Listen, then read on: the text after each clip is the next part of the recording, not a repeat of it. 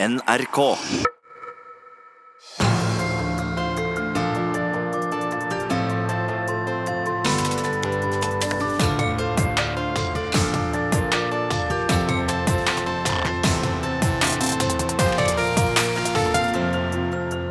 I disse dager pakker norske påsketurister ut siste rest av bagasje fra flyferien til trendy reisemål verden over, og venter på de uimotståelige tilbudene om billigbilletter til Thailand, Gran Canaria og New York for neste ferie. For nordmenn flyr mer enn noen gang. I Sverige derimot har det blitt så stigmatiserende å fly at stadig flere lar være. Smak på nyordet flyskam. Velkommen til disse dager på NRK P2 fra postkontoret på Tøyen i Oslo. Dette er jo programmet som vanligvis tar et steg tilbake og ser etter det store bildet og de lange linjene i den ustanselige strømmen av nyheter og aktualiteter. Denne gangen er det kondensstripene etter passasjerflya som gir oss de lange linjene. For ingen transportmiddel er så drepende for livet på jorda som fly. Temaet i disse dager er klimaangst og flyskam. Dette nyordet fra Sverige er navnet på den kjensla folk får når de bidrar til store klimagassutslipp ved å fly. Det er altså ikke ei sending som handler om den store og ofte polariserende klimadebatten, men det er ei sending om hva klimaendringene gjør med enkelte av oss. Hos oss møter du firebarnsfaren som ikke begriper hvordan vennene hans har samvittighet til å skryte av flyreisene sine i sosiale medier. PR-agenten som ser at skuldkjensler også endrer næringslivet sin grønne profil. Den svenske psykologen som behandler folk med klimaangst. Og samfunnsøkonomen som mener at skamkjensle gir oss en avsmak fra hele klimakrisa. Vi skal straks ta imot journalisten Kjetil Østli og PR-sjefen Beate Nossum, men vi starter denne sendinga ikke med å gå til gaten, men å gå ut på gata for å sjekke hva som skal til for at Ola og Kari slutter å fly.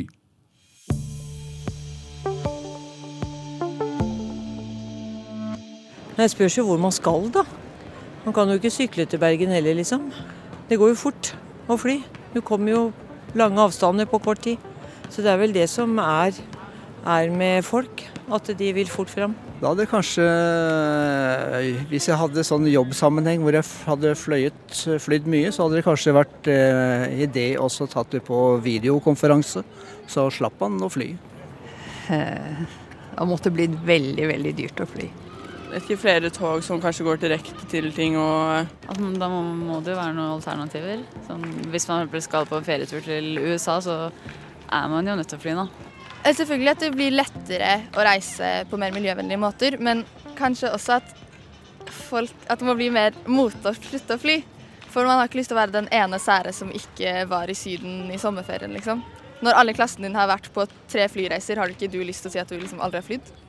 Det er mye det eh, at det må være en litt større endring. At flere må slutte å fly. Så for da Hvis det blir mye dyrere, så tror jeg at flere hadde sluttet. Og da hadde det også vært mer innafor å bare si at jeg vil ikke fly. Uten å være rar. På scenen her på postkontoret på Tøyen har de nå flydd opp to gjester. Den første er dama som prøver å gi deg kommunegrønnfarge. Beate Nossum fra det grønne PR-byrået Footprint. Og eh, nærmest meg Kjetil Østli, forfatter og journalist. Eh, Kjetil, du er mm, firebarnsfar. Du er tidligere mm, journalist i Aftenposten, nå journalist i magasinet Harvest. eh, Forfatter. Og brått eh, oppdaga vi forfatteren av en artikkel som du hadde glemt at du hadde skrevet for to år siden, fordi den dukka opp i feeden til oss alle i påska. Som handler om hvor farlig det er for klimaet å fly. Ja, den Hvorfor kom den brått opp i bevisstheten igjen? Nei, det lurte jeg altså på da jeg skrudde på Facebook og så at det var eh, ekstremt mange mentions. Eh, for så populær har jeg jo ikke blitt på, på kort tid. Men det må jo være den svenske debatten, da. Og så må det jo være i kjølvannet, antar jeg, av Greta Thunberg og, og skolestreiken for alle ungene våre.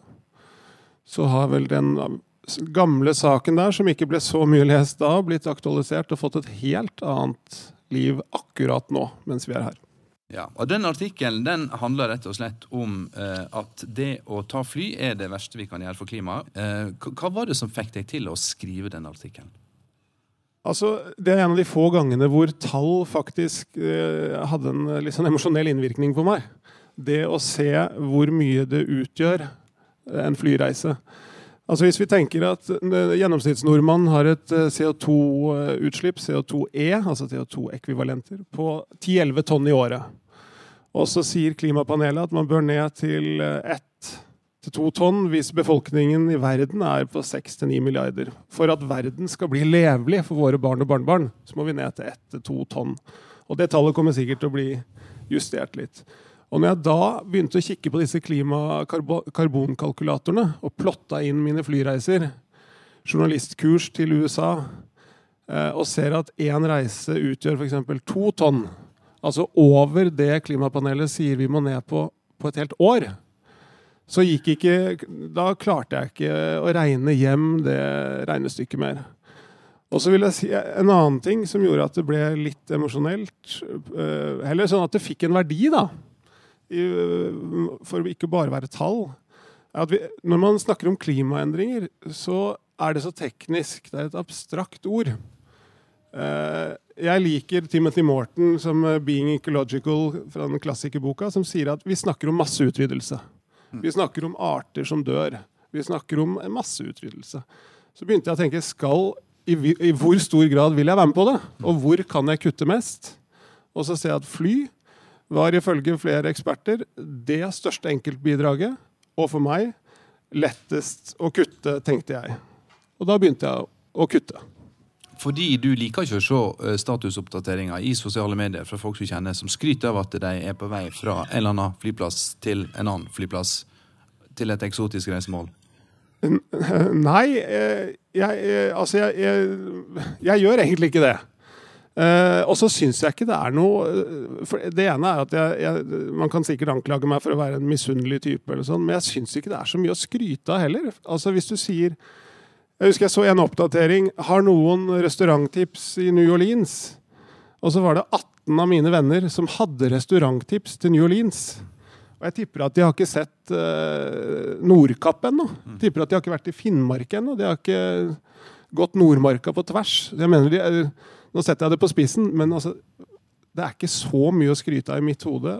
Uh, og så syns jeg det er så mange andre reiseformer som man glemmer. Uh, ved å hele tiden løfte dem fly. Og, og så syns jeg også at man gjør seg mye svakere enn man er. Og det har jeg et problem med. Det der med 'jeg klarer ikke kutte dette'. Syns det er så vanskelig. Så svake er vi ikke. Beate Nossum, eh, velkommen til deg òg. Eh, du er altså leder for du kaller det grønne PR-byrået Footprint. Du har gjort levebrød av å hjelpe folk å kommunisere det grønne skiftet. Um, sist jeg møtte deg, det var på flybussen i Trondheim. Husker du det? Um, da hadde vi begge vært ute og flydd til Trondheim. Var du ørlite skamfull da du landa? Nei, uh, det var jeg ikke. Og den flyskammen som Kjetil beskriver her, den, det tror jeg er en, på en måte, Jeg tror fly er det neste biffen. Ikke sant? Og vi har jo nå masse undersøkelser som viser at vi faktisk spiser mindre kjøtt. Uh, mye av det fordi vi, mange av oss har barn som uh, ikke vil spise kjøtt. Uh, og den, hva skal jeg si De der elleville protestene når det var snakk om å spise kjøtt én dag mindre i uka, det har blitt helt borte. Og jeg tror fly er på en måte den neste store tingen som vi kommer til å diskutere, og som vi kommer til å føle på. Men eh, min bekymring er jo at skammen tar oss ikke til Paris-målet. ikke sant? Eh, Kjetil tilhører jo de 10 prosentene av befolkninga som eh, normalt er opptatt av å gjøre ting som er riktig og som er klokt. Det er alltid sånn 10-15% som liker å gå foran og, og spise, spise brokkoli og, og, sykle til jobb. Um, og så har du i andre enden av skalaen har du en sånn 10-15% som er mer sånn opportunistisk, og som uh, i hvert fall ikke vil gjøre det som blir anbefalt som sunt og klokt. Uh, og de 10-15% som jeg og Kjetil og kanskje flere med oss representerer, vi kommer til å kjenne litt på den skammen. Men dersom vi skal klare å redusere utslippene, så er vi jo avhengig av at i hvert fall en 70-80% av oss flyr mye mindre. Og det vi kan garantere, er at det kommer ikke til å skje. Um, vi kommer til å fly mer. Det viser alle, alle fremskrivninger. Uh, fordi flyreisene blir billigere, fordi vi, verden blir mindre, fordi si, den globale landsbyen syes sammen. Så det vi må gjøre, er jo at vi må få til et raskest mulig teknologisk skifte som gjør at det faktisk ikke medfører så store utslipp at vi flyr. Og det er jo ikke i og for seg flyene som, som eh, står for utslippene, det er drivstoffet. Mm. Og det som er ekstremt viktig, da, bare for å avslutte det, er jo at politikerne bruker det momentumet som vi nå egentlig har når vi snakker om flyskam, til å se hvordan man kan gå inn og støtte opp om de aktørene som tar kostnaden med å gå foran og utvikle hva skal jeg si, utslippsfri drivstoff, elektriske fly, den type ting. Sånn at det blir svindyrt å forurense. Eh, og eh, eh, billigere eller at økonomiske fordeler for dem som tar omkostningene ved å gå foran. På samme måte som man har gjort med elbiler, f.eks. Mm. Fordi Vi kan godt si at mye starta her til lands eh, med din utsøkte artikkel, Kjetil, men det er vel ikke helt riktig, det heller. Den svenske 16-åringen Greta Thunberg derimot har fått eh, æra for å ha starta bølga med skoledemonstrasjoner, som vi også har hatt her i Norge. og neste demonstrasjon er planlagt fredag 24. mai. Dine tre var med der, Beate? Du var stolt demonstrasjonsmor, har jeg skjønt? Nei, men det er jo, ikke sant, Selv jeg som, som, som lever av å jobbe med å bidra til raskere bærekraftig omstilling, som vi skryter av på hjemmesida vår eh, Selv jeg blir jo arrestert av barna mine eh, i det daglige med at ikke sant, Hvorfor kjører jeg bil som forurenser, hvorfor spiser vi kjøtt, hvorfor har vi ikke liksom veggistaco? Alle de spørsmålene. Så det er jo, om det er noen som har medført grønt skifte hjemme i stua vår, så er det jo, er det jo den, den generasjonen. Og Greta Thunberg som jeg om, hun fikk nylig Fritt Ords eh, ytringsfridomspris eh, her i Norge. og Det pengebeløpet skal hun bruke på å saksøke staten Norge for sine klimagassutslipp. Her er det lille svenske og store svenske forbildet i en tale til verdenslederne i Davos. Adults keep saying we owe it to the young people to give them hope. But I don't want your hope. I don't want you to be hopeful. I want you to panic. I want you to feel the fear I feel every day. Greta Thunberg vil eh, få oss til å kjenne på panikken, og i disse dager hører du ei sending som tar utgangspunkt i Sverige, der en snakker om flyskam stigmaet som gjør at uh, stadig flere svensker lar være å fly. Jeg vil tilbake til uh, Greta Thunbergs behov for panikk, og jeg vil tilbake til eh, storleiken. Og Beate, du som kan å kommunisere det grønne, hjelp oss å kommunisere det som ikke er grønt, det store stygge. vi snakker om flyskam og utslipp fra fly. Nei, Det er jo veldig alvorlig. og en veldig enkel måte å forklare det på er jo at vi har sluppet så, og vi slipper ut så enorme mengder av én gass, CO2 i atmosfæren, som aldri har vært gjort noensinne i planetens historie. Og det kan jo best beskrives som et sånn gedigent uh, kjemisk eksperiment. Og vi vet ikke egentlig helt hvordan, hvordan atmosfæren reagerer, eller når. Eller, eller, eller havet. ikke sant? Men atmosfæren reagerer først, og så påvirker det, det da jorda i, i stort monn. Det som er et sånn stort skifte i den offentlige samtalen knytta til klima, kan vi egentlig tidfeste i høst. Fordi eh, FN slapp, eh, slapp 1,5-gradersrapporten. Eh, og det som skjedde da, det var at vi fikk veldig stor oppmerksomhet på hva togradersmålet egentlig innebærer. Um, og togradersmålet innebærer jo at alle korallrev uh, forsvinner. Uh, innebærer at all is smelter. Uh, innebærer enorme økologiske, katastrofale endringer på kloden som vi jo ikke vil ha. Så togradersmålet, som egentlig har vært en standard vi har forholdt oss til, det ble plutselig et skremmebilde. Og så, jo, så ser vi jo nå klimaendringene på TV nesten daglig. Eh, det preger nyhetsbildet, det preger barna, det preger undervisninga. Det, det preger eh, forretnings-, næringslivsledere som skal beslutte hvilke investeringer de skal ta. Um, Klimarisiko er vel kanskje det andre nye ordet som har kommet. For flyskam for oss, og så har du klimarisiko for næringslivsledere. sånn at det påvirker alt vi foretar oss fra vi står i matdisken til vi si, plasserer pensjonspengene våre. da. Og flytrafikken er med og bidrar til den forurensninga som skaper disse tilstandene? Det er det, og min store bekymring i det her er jo at angsten og skammen skal på en måte få lov til å sette tonen for hvordan vi tror vi skal bekjempe dette problemet. Fordi angst og skam har aldri bidratt eh, raskt nok til endring av noe som helst. Vi skal ta inn eh, psykologekspertise for å snakke om dette om litt. Eh, jeg lurer på, jeg skal fly til Ålesund i kveld. Oslo-Ålesund tur-retur. Bør, bør jeg skamme meg for det? Som jeg sa, jeg øh, syns jo ikke at jeg, tenker jo ikke sånn. Men jeg ville lett først etter hvilke alternativer har du til å komme deg til Ålesund. Uh, og Ålesund er vel vanskelig, da. Men du kan i hvert fall øh, vite at hvis det er en god jobb der du gjør, så har du Det er et halvt tonn, kanskje. 0,4 tonn eller noe sånt med CO2-ekvivalenter. Men hva tilsvarer det? Hva skal vi måle det i? Nei, du, jeg prøvde å si at Hvis klimapanelet sier at de, du bør ned til ett til to tonn i året med den forrige beregningen som jeg forholdt meg til for to år siden så Vi bruker opp et, et halvt års kvote, da, sånn personlig forbruk, ja, så på kan... en snartur til Ålesund? Ja, for da håper jeg det er en god jobb der. Ja, hva skjer med de gassene som jeg bidrar til å slippe ut? da? De vil jo være der i, ha en effekt i 50-100 år, da, mener jo eh, klimaforskere. Så du det er jo ikke bare det du har på årets kvote, men det vil jo være der. Det tar lang tid å bryte ned disse gassene.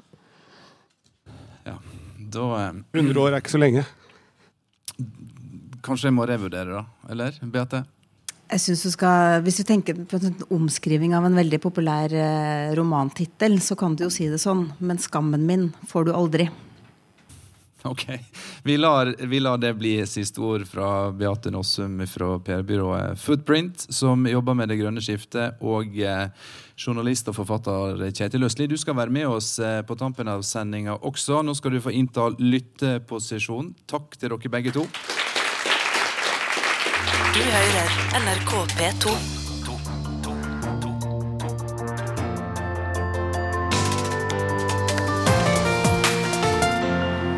Vi skal straks få rapport fra et psykologkontor i Stockholm, der folk med klimaangst går til behandling for angst og skam og redsle.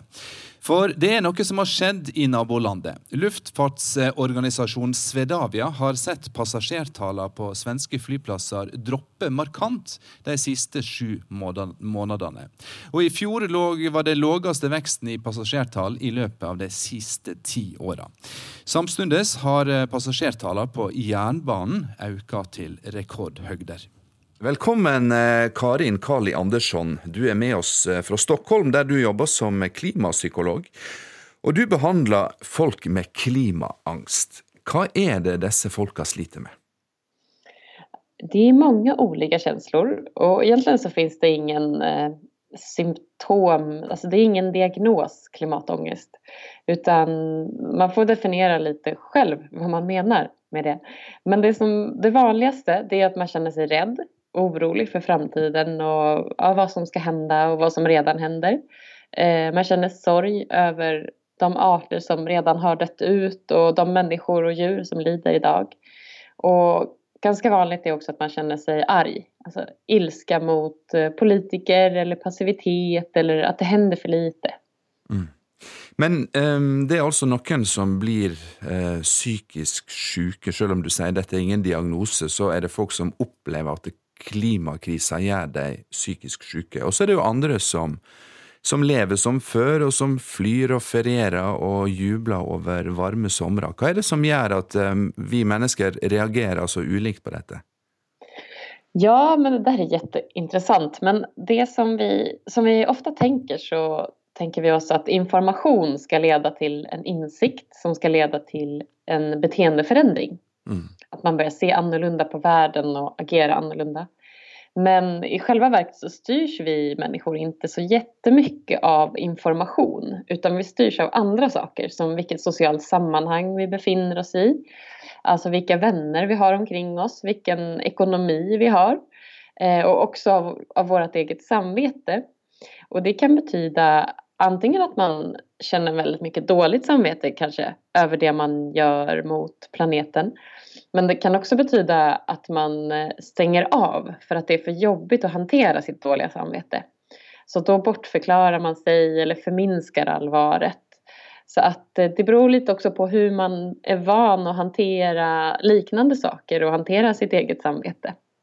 Men altså, vi snakka om klimaangst, og angsten eh, er jo, er jo noe som, som, mange møter på et punkt i livet. Og så har vi dette med skam, som òg er en, eh, en, annen menneskelig kjensle. Og i Sverige har en lenge snakka om flyskam. Og det er et begrep som i Norge er nokså nytt. Eh, kan du skildre for oss hvordan klimakrisa har, har truffet svenske kvinner og menn? Ja, jag märker jätte, jättestor skillnad från för ett år. Och jag tror att det var den varma sommaren och FN-rapporten som gjorde väldigt stor skillnad. Och eh, det som jag märker är, ja men till exempel när någon ska flyga och de berättar det för mig, då ursäktar de sig på ett annat sätt. Ja, jag vet att det här inte är bra egentligen och jag ska bara flyga en gång i år och det jag var tvungen för jag måste göra med jobbet och sådär. Så har det aldrig varit förut. Eh, jag, jag, slutade flyga för fem år sedan. Så fram tills nu har jag känt mig ganska ensam. Men mm. nu känner jag mig absolut inte ensam längre på det planet. Liksom att flyget har verkligen blivit en, en fråga som de flesta är medvetna om att det inte är bra. Eh, men sen lever man såklart också i sina bubblor och jag tror att i vissa, situation, eller i vissa eh, sammanhang så är nog klimatet väldigt osynligt. Och, eh, det, men det är ändå många som börjar vakna upp och det är samma sak tror jag när det gäller vilken kost man har och att man inte ska använda bilen så mycket.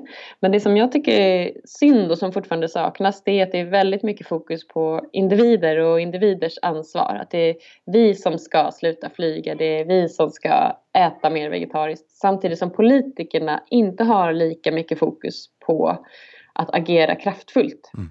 Och tyvärr så är det ju politikerna som har den allra största makten och, och, vi är helt beroende av deras beslut för att kunna komma någon vart i klimatfrågan. Så jag hoppas ju på att det, det, här ska leda fram till en folkrörelse som pushar politikerna mm. till att våga fatta mer kraftfulla beslut. Mm. Men det du sier, er at i Sverige så er det allerede et stigma knyttet til, i dette tilfellet, da, flyreiser.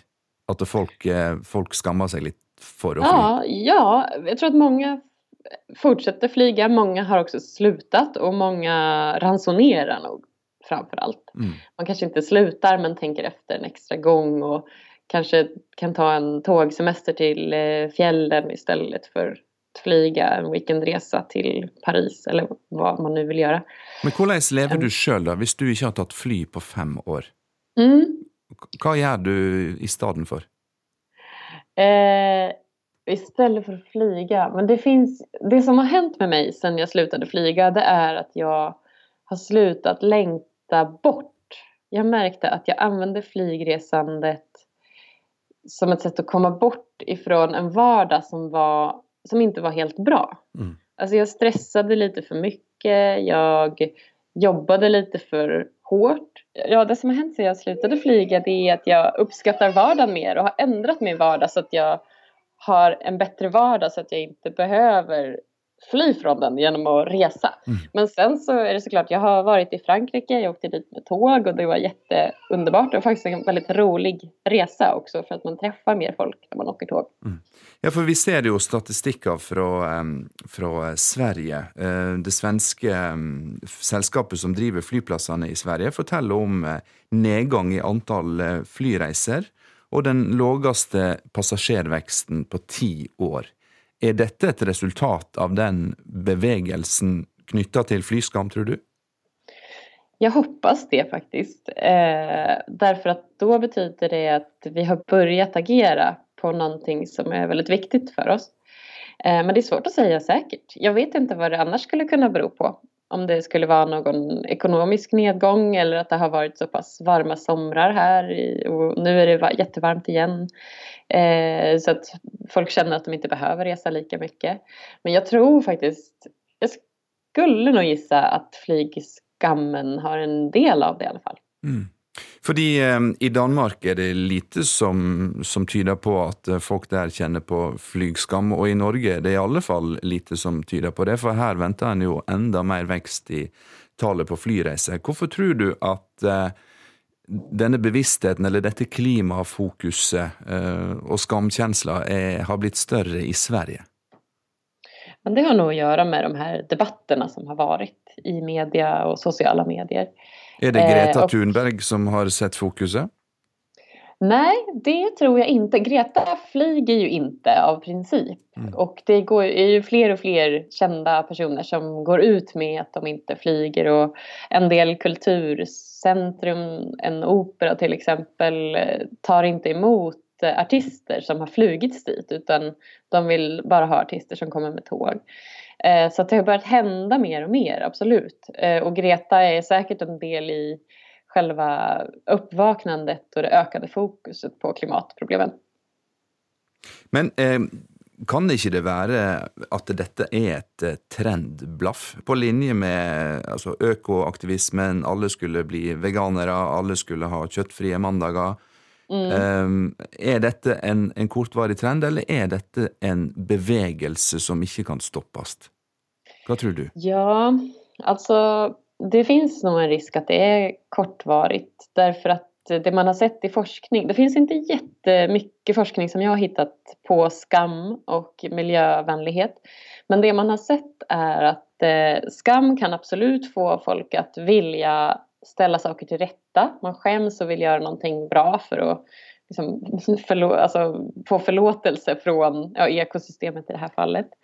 Eh, men det man ser är att det gäller ofta bara den enskilda frågan men att man inte blir mer miljömedveten generellt sett. Alltså att man får inte en ökad respekt för ekosystemet för att man skäms för en specifik sak.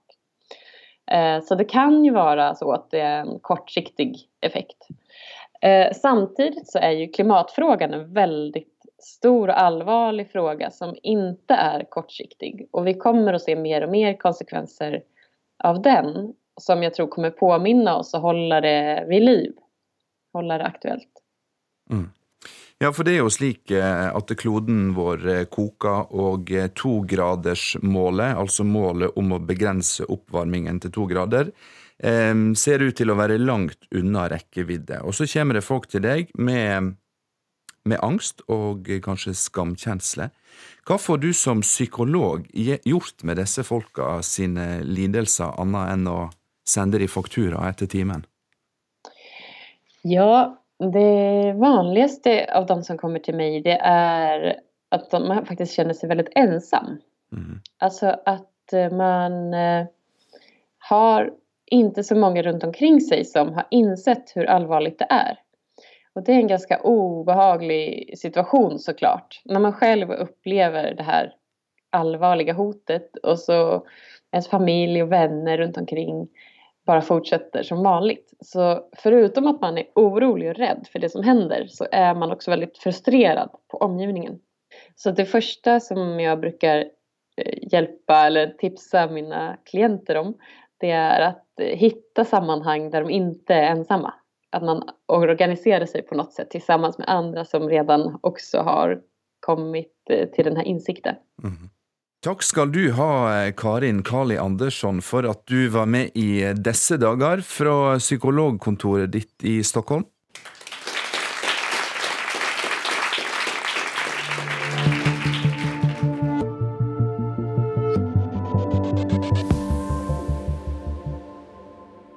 Hører på disse dager på NRK P2, der vi snakker om flyskam, kjensler som i Sverige får flere til å la være å fly pga. de store klimagassutslippene. Snart skal vi spørre psykologen eh, her i Oslo om hvor skamkjensla i oss kommer fra, og hva den kan gjøre med oss. Aller først skal vi en tur ut på gata, der det tyder på at det nok fremdeles er flere som har flyskrekk enn flyskam.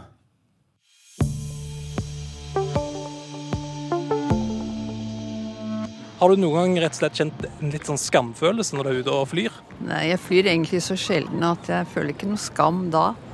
Jeg føler ikke noe, egentlig. Jeg bare flyr. Koser meg. Jeg kan ikke si det i og med at jeg flyr så sjeldent. Så jeg føler ingen skam. Men har du noen gang kjent på litt skam rett og slett når du er ute og flyr? Ja, jeg har det. Ja, men det, jeg tror det begynte sånn for noen få år siden da jeg ble litt mer bevisst. Men det har ikke vært mye. Det er sånn, De siste to årene kanskje har jeg tenkt litt på det. Ja, men jeg flyr kanskje annethvert år. Jeg nesten, flyr nesten aldri. Ja.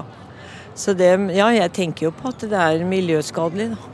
Ja, jeg gjør det. Jeg er ikke så glad i å fly heller, så det er jo andre ganger jeg har tenkt sånn hm, Skal jeg gjøre noe annet enn å fly? Men eh, det blir jo alltid til at jeg velger å fly, fordi det er det letteste. og man vil lang, lengre steder. For at jeg tenker på bilene, men jeg tenker ikke på flyet. Nei, fordi jeg bor i utlandet, så det her er min måte å komme hjem på. Liksom. Pluss jeg kjører ikke ofte bil. Da blir det mer kollektivtransport, så jeg føler at jeg gjør min part på andre måter.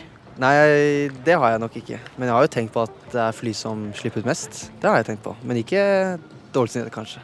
Hvorfor ikke, tror du? Fordi jeg gleder meg til litt jeg skal.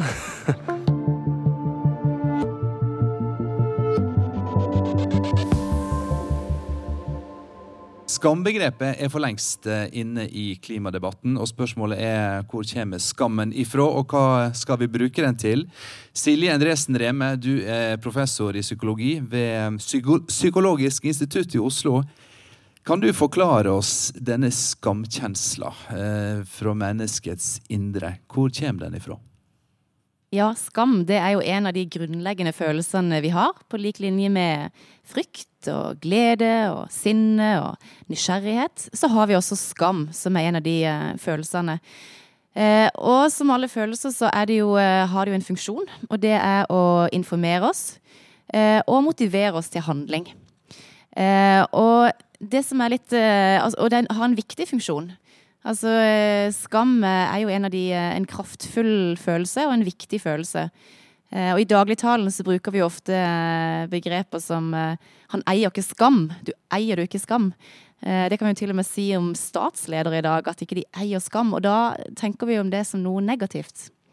Så, så litt skam er bra og viktig. Men hvis det blir for mye, så kan det bli destruktivt. Men det du sier at dette er altså noe som, eh, som er medfødt, eh, ikke arva fra mor og far, men fra alle tiders mor og far, hadde jeg sagt. Mm. DNA-et vårt. Hva er poenget eh, for flokkdyret mennesket å ha en egenskap som heter skam? Skam har vært veldig viktig fra et sånn evolusjonspsykologisk perspektiv. Eh, hvor det å ha en tilhørighet til flokken og det å fungere godt i sosiale fellesskap har vært helt avgjørende for vår overlevelse. Eh, sånn at skam eh, motiverer jo ekstremt til handling. Eh, og vil jo gjøre at man i større grad eh, følger sosiale normer og regler. Og på den måten tilpasser seg godt og, og lever i harmoniske relasjoner og i det sosiale fellesskapet. Eh, så det har vært viktig eh, for vår overlevelse. Og vår største frykt er jo den der sosiale avvisningen. Det å bli ekskludert fra flokken, det å bli avvist og, og forkasta det er jo det vi alle frykter aller mest. Eh, og den skammen, den, eh, den minner oss om det. Den, eh, det er jo et møte med den forakten ifra den andre eh, som, som, den, som den eh, trigger, da. Og i samband med Når vi snakker om flyskam, så er det da en forakt mot de som flyr masse, eller det kan være en forakt mot seg sjøl fordi mm. at en bidrar til eh, klimaforureining. Eh, men skam er én ting. Skuldkjensle er jo kanskje et mildere begrep som vi òg kan kjenne på. Hva er forskjellen på skuld og skam? Ja, de henger jo sammen, men vi gjør ofte en, eh, en distinksjon og skiller litt mellom de på den måten at eh, skyld eh, handler mer om ting man har gjort. Eh, noe galt eh, man har gjort. Handlingene, altså? Handlingene, ja. Mm. Mens skam det handler mer om den man er. Om personen. Så den henger veldig tett sammen med selvbildet. Eh, og rammer på den måten vår grunnleggende eksistens. Og responsen vår på skam Eh, vi alle har jo kjent på skam, og det vi føler mest for da, det er å bare forsvinne. Og gjemme oss, eh, og, og unngå å ikke, ikke, være synlig. Eh, så, eh, så, for mye skam, det motiverer ikke til så særlig mye handling, fordi at da får vi bare lyst til å, å gjemme oss og forsvinne eh, og slutte å eksistere, nærmest. Og I Sverige hørte vi da, går folk altså til psykologen med det de eh, opplever er klimaangst, eh, og, og, kanskje også skam i samband med det. Kan du som eh, professor i psykologi forstå det? ja. Eh, det er klart at eh, angst og skam kan ha mange ulike former og, eh, og varianter, og at noen kan, kan komme opp et, på et nivå som, som, blir vanskelig å håndtere, og som går utover funksjon og livskvalitet når det gjelder fly, skam og angst, det, det, kan jeg absolutt forstå. Og at man da kan trenge hjelp til å, til å håndtere det. Mm. For vi snakker om de menneskelige egenskapene. En snakker om ni ulike egenskaper, eller kjensler, da, mm. der det er de fleste negative. Én nøytral, og så er det to positive. Og det er jo da eh, nysgjerrighet og glede. Og når vi snakker om flyreiser, så reiser jo folk for å oppleve glede og få tilfredsstilt nysgjerrigheten sin. Ikke mm. for å kjenne på skam. Eh, hvem vinner av skammen og nysgjerrighet og glede? Det styres jo i veldig stor grad av sosiale normer. Eh, og eh, for 30-40-50 år siden så hadde man et helt annet eh, normsett rundt det å fly. Hvor det var noe som var veldig, veldig stas og flott. Mens nå er det noe som er på en måte forbundet med noe negativt fordi at vi vet mye mer om konsekvensene. Sånn at nysgjerrigheten og gleden over å reise kan vi fremdeles beholde. Den verdien er viktig. Men kanskje litt skam kan hjelpe oss til å, å motivere oss til å, til å handle på en måte som er mer i tråd med, med klimavennlige verdier og, eh, og redde kloden vår. Mm. Vi har en uh, mann med caps i salen som uh, har vinka til oss og vil uh, bruke mikrofonen der nede til å stille deg et spørsmål. Vær så god, fortell hvem du er og hva du lurer på. Ja, hallo. Jeg heter Morten. Jeg sitter i sentralstyret til Natur og Ungdom og jobber til daglig med fly og med reisevaner til nordmenn. Og jeg synes Det var interessant det du sa om at uh, det her med skam, da, at det å passe inn i gruppa uh, motiverer oss til å handle på en spesiell måte. Og Tidligere i sendinga i dag så ble var det noen som nevnte at de ikke ville være den rare da, som ikke tok fly uh, osv. Tror, du en, tror du som psykolog at det er en uh, grunnlag for å si at sånn er nå, da, at det er så vanlig å fly, at det gir positiv økning til at folk flyr mer fordi de vil passe inn i en gruppe? På en måte At det blir vanskeligere å ikke fly av den grunn? Eh, det kan godt være. Eh, altså, sosial konformitet er jo en sterk eh, faktor. Det at man ønsker å passe inn i en gruppe og følge atferden til det de rundt en gjør. Sånn at, sånn at, hvis man er, tilhører en gruppe, og det kan være ulike grupperinger i samfunnet som, som, har ulike flyvaner, noen flyr kanskje mer enn andre, og det kan være viktig, en viktig verdi i noen eh, sosiale grupper mer enn i andre, eh, og at det da kan være vanskelig å være en sånn normbryter. Det er alltid vanskelig å være den ene eh, som bryter normen i gruppa det kan være ganske krevende og tøft. Så det kan godt være at det, det er noe i det du sier. Tusen takk eh, skal du ha, Silje Endresen Reme, professor i psykologi og ekspert på det enkelte kjenner i møte med klimaendringene, nemlig skam. Du hører NRK P2.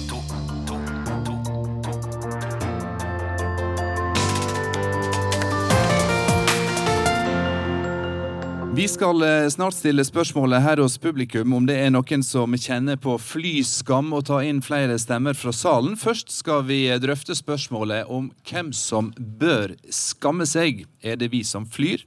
Er det flyselskaper som lokker oss om bord? Eller er det styresmaktene som lar flytrafikken forurene? Her er Håkon Rikles, samfunnsøkonom ved den liberale tenketanken Civita. Og direktør i NHO Luftfart, Torbjørn Lote, velkommen begge to. Jeg begynner med deg eh, som er tenker og samfunnsøkonom. Syns du at vi bør skamme oss for å fly? Nei, jeg syns egentlig ikke det. Jeg syns eh, det, det, er fint når folk har et, eh, at folk har et bevisst for, holdning til sitt eget forbruk og de effektene det har. Men jeg tror ikke det å skulle påføre folk skam, er det mest effektive måten å løse det enorme eh, klimaproblemet vi står overfor. Eh, og jeg tror også at man, det er en, fare ved å fokusere for mye på individuell atferd, at man glemmer de store politiske og økonomiske og samfunnsmessige endringene som må til eh, for å, for å faktisk få redusert utslippene. Når det er sagt, hvis man ønsker å gjøre noe konkret med sine egne utslipp, som, som jeg syns er positivt hvis man ønsker det, så er fly rette sted å starte. Det er bedre å fly mindre enn å brette noen flere melkekartonger. Eh, og man, eh, hvis man flyr én gang til Thailand, så er det tilsvarer det omtrent over 100 kilo eh, biff. Ett og et halvt års forbruk. Så man kan ha ganske mange, ganske mange kjøttfrie mandager før det monner like mye som det å kutte ut én ferietur. Men, men, hvis man tar sammen, slår sammen all den på en måte helt individuelle forbruket som nordmenn har, og de utslippene det gir, altså bilreiser, flyreiser, kjøttforbruk, så er det fortsatt mindre enn bare det som er fastlandsnæringslivet i Norge. Eh, eh, transportnæringen, eh, industri. Så man må, man må, hvis vi skal løse klimaproblemet, så må vi virkelig klare å ta tak i alle disse her. Og da er det viktig med bevisste borgere som krever de endringene fra politikere og fra næringsliv, og også fra flybransjen, sånn at vi forhåpentligvis i fremtiden kan fly utslippsfritt, og dermed ikke bli kvitt hele problemstillingen med det med flyskam. Torbjørn Lote, du er her som representant for flybransjen gjennom NHO Luftfart. Og så lurer jeg da aller først på, har du og din bransje angst for flyskam? Både ja og nei, vil jeg si. Vi, vi, registrerer jo at det er en omstilling i holdningene i samfunnet i Norge og internasjonalt. Eh, samtidig så må man forholde seg til realitetene. og Luftfarten globalt står for 2% av klimagassutslippene. Luftfarten i Norge står for 2,4% av klimagassutslippene. Og så er det jo slik da at eh, nordmenn flyr jo ekstremt mye mer enn de få prosenter. Jeg tror tallet er 18% av verdens befolkning flyr. Så det er veldig få som bidrar til denne forurensninga. Og, og, det er jo fordi vi i Norge bor på perifer periferien av kloden, så å si. Det betyr at når vi skal ut i verden, så har vi ingen andre alternativ enn fly. Og de som bor i Finnmark, for de er flybussen. De må bruke den i det daglige. Den er helt avgjørende for den bosetninga vi har i Norge. Helt avgjørende for å opprettholde et verdiskapende næringsliv i Norge, og for å kunne være en nasjon som konkurrerer globalt i en mer og mer internasjonal økonomi. Det er på en måte en realitet, så vi kan på en måte ikke slutte å fly. Vi må sørge for at det å fly blir mer miljøvennlig og mer klimavennlig. Ja, Hva skal til for å, å komme dit, da? Ja, Det er selvfølgelig et stykke frem, eh, men det er jo gjennomført veldig mange tiltak allerede. På de siste 15 åra så er klimagassutslippene fra eh, norske flyselskaper halvert. Eh, og Det er pga. ulike typer tekniske operative tiltak, innfasing av nye fly, som er mye mer energivennlige enn tidligere. Og Drivstoffet det utgjør mellom 25 og 30% av kostnadene for et flyselskap. Eh, og Derfor har de et veldig sterkt insentiv for å gjøre det billigere ved å skifte det ut til f.eks. avansert, bærekraftig biodrivstoff. Og Men Spørsmålet er eh, tilbake til dette med angsten, som vi hørte eh, er stor i Sverige, og som mange mener etter hvert vil komme til norske flyreisende også. Hva gjør dere for å møte den angsten, møte en eventuell nedgang i flytrafikken? Nei, det, det flyselskaper gjør, det er jo at de kjøper det mest miljøvennlige materiellet, de mest miljøvennlige flyene, og sørger for at de til enhver tid holder en så god miljøstandard som mulig. Eh, men flyselskaper må jo kjøpe det materiellet som er på markedet, og det blir produsert i Nord-Amerika, i USA, Canada, i de store landene i Europa. Og da er det jo viktig å ha virkemidler som gjør at de som produserer fly, utvikler ny teknologi og nye løsninger som flyselskaper selvfølgelig vil ta i bruk eh, når det blir produsert og kommer på markedet. Og Der har man en del virkemidler. Eh, man har et europeisk kvotesystem, og man vil nå få et globalt kvotesystem som skaper det, det som man kaller insentivet for at man skal ta i bruk ny teknologi.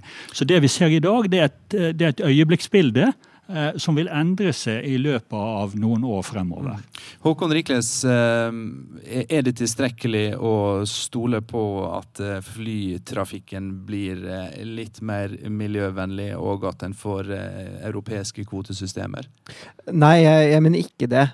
også det man, nå hørte vi at utslippene har gått ned i Norge, men, men, det globale bildet er at når man får mer effektive fly, så går prisen ned, og så øker etterspørselen. så, så vinninga går opp i spinning? Ja, og vel så det. Så sånn, totale utslippene fra flytrafikk i verden er, det er fortsatt en liten del av verdens utslipp, men det er en del av utslippene som går raskt opp, så man er redde for at det skal bruke opp en stor andel av de klimautslippene vi har lov til å ha. Eh, og det som har vært kjennetegn med klimabransjen internasjonalt, det skal ikke si det nødvendigvis gjelder i Norge, har vært en motstand eh, mot politiske tiltak som skal sørge for eh, lavere utslipp. Lenge var det en stor kamp gående i den internasjonale luftfartsorganisasjonen ICAO om man skulle i det hele tatt ha noe sånn globale klimamål og kutte globale klimagassutslipp. Og de ble på en måte dratt inn i at de måtte gjøre det gjennom eh, Parisavtalen. Og nå har de kommet opp med noen mål. Og det er på en måte bra, men de målene er på langt nær ambisiøse nok. Eh, så, og, og jeg har helt rett at som et enkelt flyselskap så kan man ikke gjøre så mye med hvilken fly Boeing og Airbus produserer, men Boeing og Airbus produserer de flyene basert på, eh, og de flymotorene som kan ta det drivstoffet de kan ta, basert på det de tror kommer til å bli markedet. Derfor må politikerne gjøre det for dyrt å ha forurensende fly. Og rett og slett stille mye strengere krav til utslippene fremover.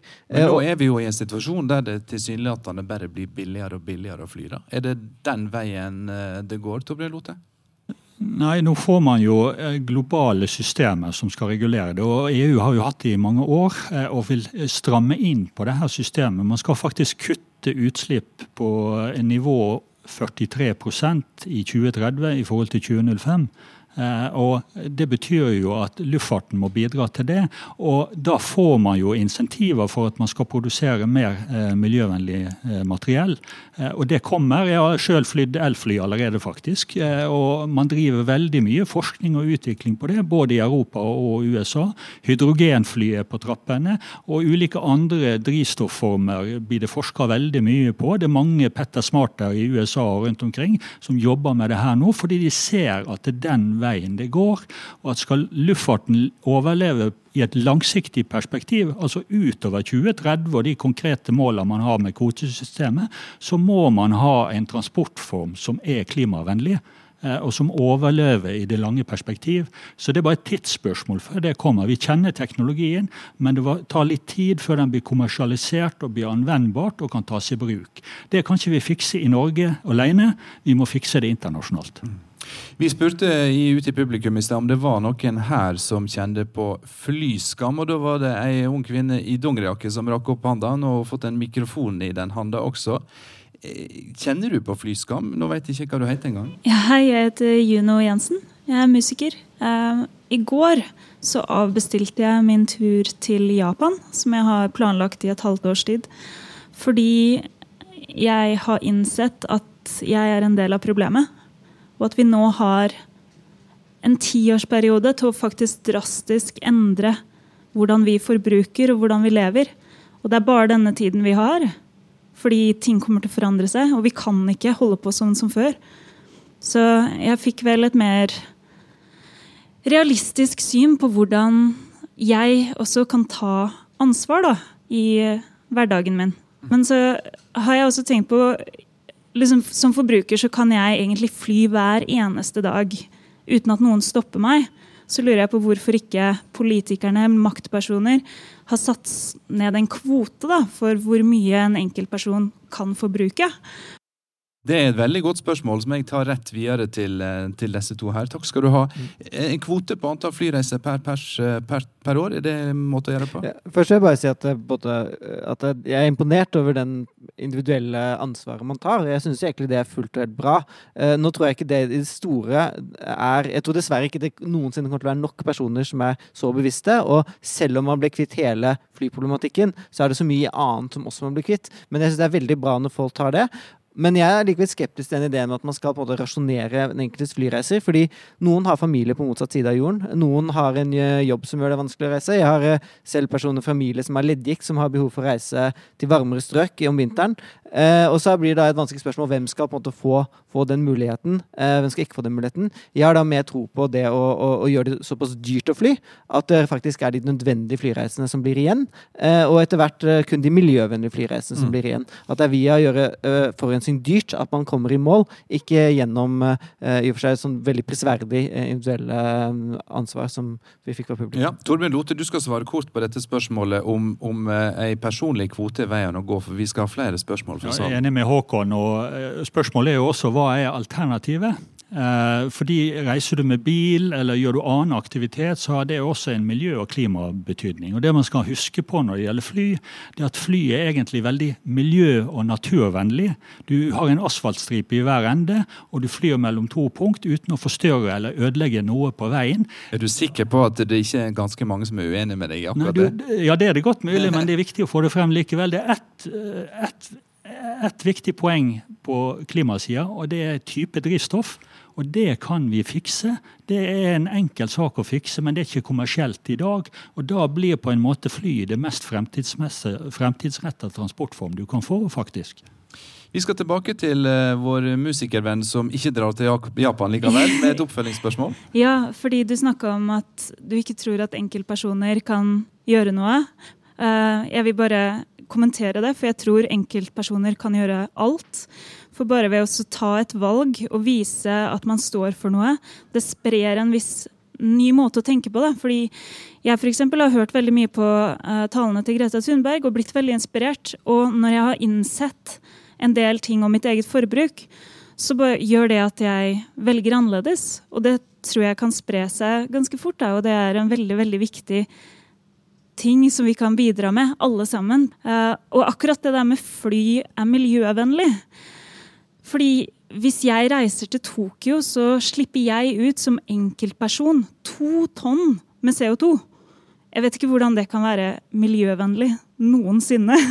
Så ja, jeg ville bare kommentere med det. Og jeg er nei, men ikke sikker på om du klarer å forklare Torbjørn Lote, forklare henne det på en overbevisende måte. Men det jeg hører du sier, er at vi skal bare ikke ha så mye angst og skam. Vi skal vente på at flybransjen nå utvikler bedre drivstoff og mer miljøvennlig måte å fly på. Men det må bli kommersielt lønnsomt, sier du. Og så får vi høre at vi har ti år på oss, og så sier Greta Thunberg at hun vil at eh, vi skal få panikk alle sammen. Og du ber oss egentlig bare om å drøye litt. Har vi tid til det, da? Nei, jeg gjør egentlig ikke det. Vi har jo faktisk konkret foreslått vi at regjeringa bør opprette et såkalt eh, klimafond, eller CO2-fond, som innebærer at man kan finansiere den overgangen fra nåværende teknologi til ny teknologi ved å gi tilskudd f.eks. til avansert bifuel, f.eks. til utvikling og ta i bruk infrastruktur på elfly, eh, og andre typer tiltak som vi vet ligger på beddingen, men som gjør at du faktisk må legge inn litt ressurser for å bygge broer fra den kunnskapen vi har som menneskehet, til et kommersielt produkt som kan være klimavennlig. Så dere ville ha hjelp, flybransjen ville ha hjelp, slik som eh, norske elbilbilister og hybridbilbilister får? Man har jo brukt milliarder på elbil, eh, men ikke en krone på luftfart. Man har faktisk skattlagt ekstra på toppen av kvotesystemet, noe som ikke fungerer i det hele tatt. Og så har vi har sagt luftfarten tjent noen milliarder òg, da. og bruk de på miljøtiltak. Du, luftfarten har tjent noen milliarder òg, da. Nei, de har faktisk ikke. De har jo tatt penger så det suser. okay. Det får vi ta, eh, ta i en oppfølgersending. Veldig kort eh, på tampen her, Håkon Rikles Ja, eh, Civita. vil gjerne gå tilbake til det musikernes ansvar. Jeg er helt enig i at jeg tror vi kan som individer endre, men jeg tror dessverre ikke at det er nok som kommer til å gjøre det. Og hvis vi skal virkelig løse klimakrisen på de tiårene som vi har, så må også de som stemmer Frp og ikke bryr seg om klima, redusere sine utslipp. Og Derfor trenger de tiltak som, som også uh, kutter utslipp, selv, selv for blant de som ikke bryr seg. Men gratulerer for at du tar de eh, klimavalgene. Det er veldig bra. Og gratulerer til dere, hadde jeg sagt, som eh, fikk komme hit til eh, disse dager. Håkon Rikles fra Civita og Torbjørn Lote fra NHO Luftfart. Tusen takk.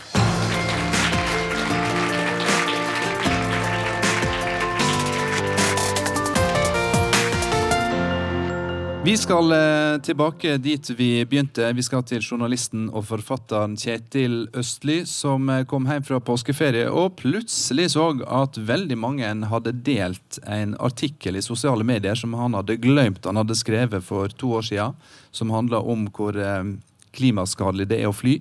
Kjetil, du har hørt på sendinga nå. Du har hørt, uh, hørt oss snakke om både angst og skam, og hvem sitt ansvar det er å kjenne på, på skammen. Eh, blir du mer optimistisk på verdens vegne etter å ha hørt dette her? Ja, isolert sett om dette med fly, så blir jeg eh, betraktelig mer optimistisk. På hvilken altså, måte da? Nei, altså, jeg syns eh, retorikken er litt annerledes nå enn da artikkelen ble skrevet. Nå hører man jo også at NHO Luftfart snakker om Altså erkjenner problemet på en tydelig måte. Og så må jeg si til, Jeg liker jo veldig godt musikeren som forteller om at hun har tatt et valg. Eh, for når folk eh, sier til meg, eller har sagt til meg før at ja, men dette må jo løses på, samfunns, på strukturelt plan Selvfølgelig må det det, men hvilke store kamper er det som har vunnet historisk, om ikke individer starter med noe? Altså, Vis meg de kampene som er vunnet hvor ikke De tror jeg er få. Og vis meg den statsleder eller Equinor-leder, eller vis meg de som har bare lyst til å gjøre mye mer eh, løsninger uten at det kommer et trykk nedenfra. Vi får eh, se hvor dette ender, Kjetil. Vi har iallfall bidratt til å eh, lære litt mer om begrepet flyskam, som altså har kommet luftveien, hadde nær sagt, fra Sverige. Vi skal si takk for oss, og takk til publikum her på postkontoret på Tøyen. Takk også til de som var med å lage denne sendinga. Reporter Ola Solheim. Teknisk ansvarlig Hellige Torsdatter Svensson. Produsent Ragnhild Vartdal. Og til slutt meg, programleder Håkon Haugsbø. Send oss gjerne en e-post på disse dager, krøllalfa nrk.no, og møt gjerne opp som publikum. Du finner invitasjonen på Facebook. Takk for følget.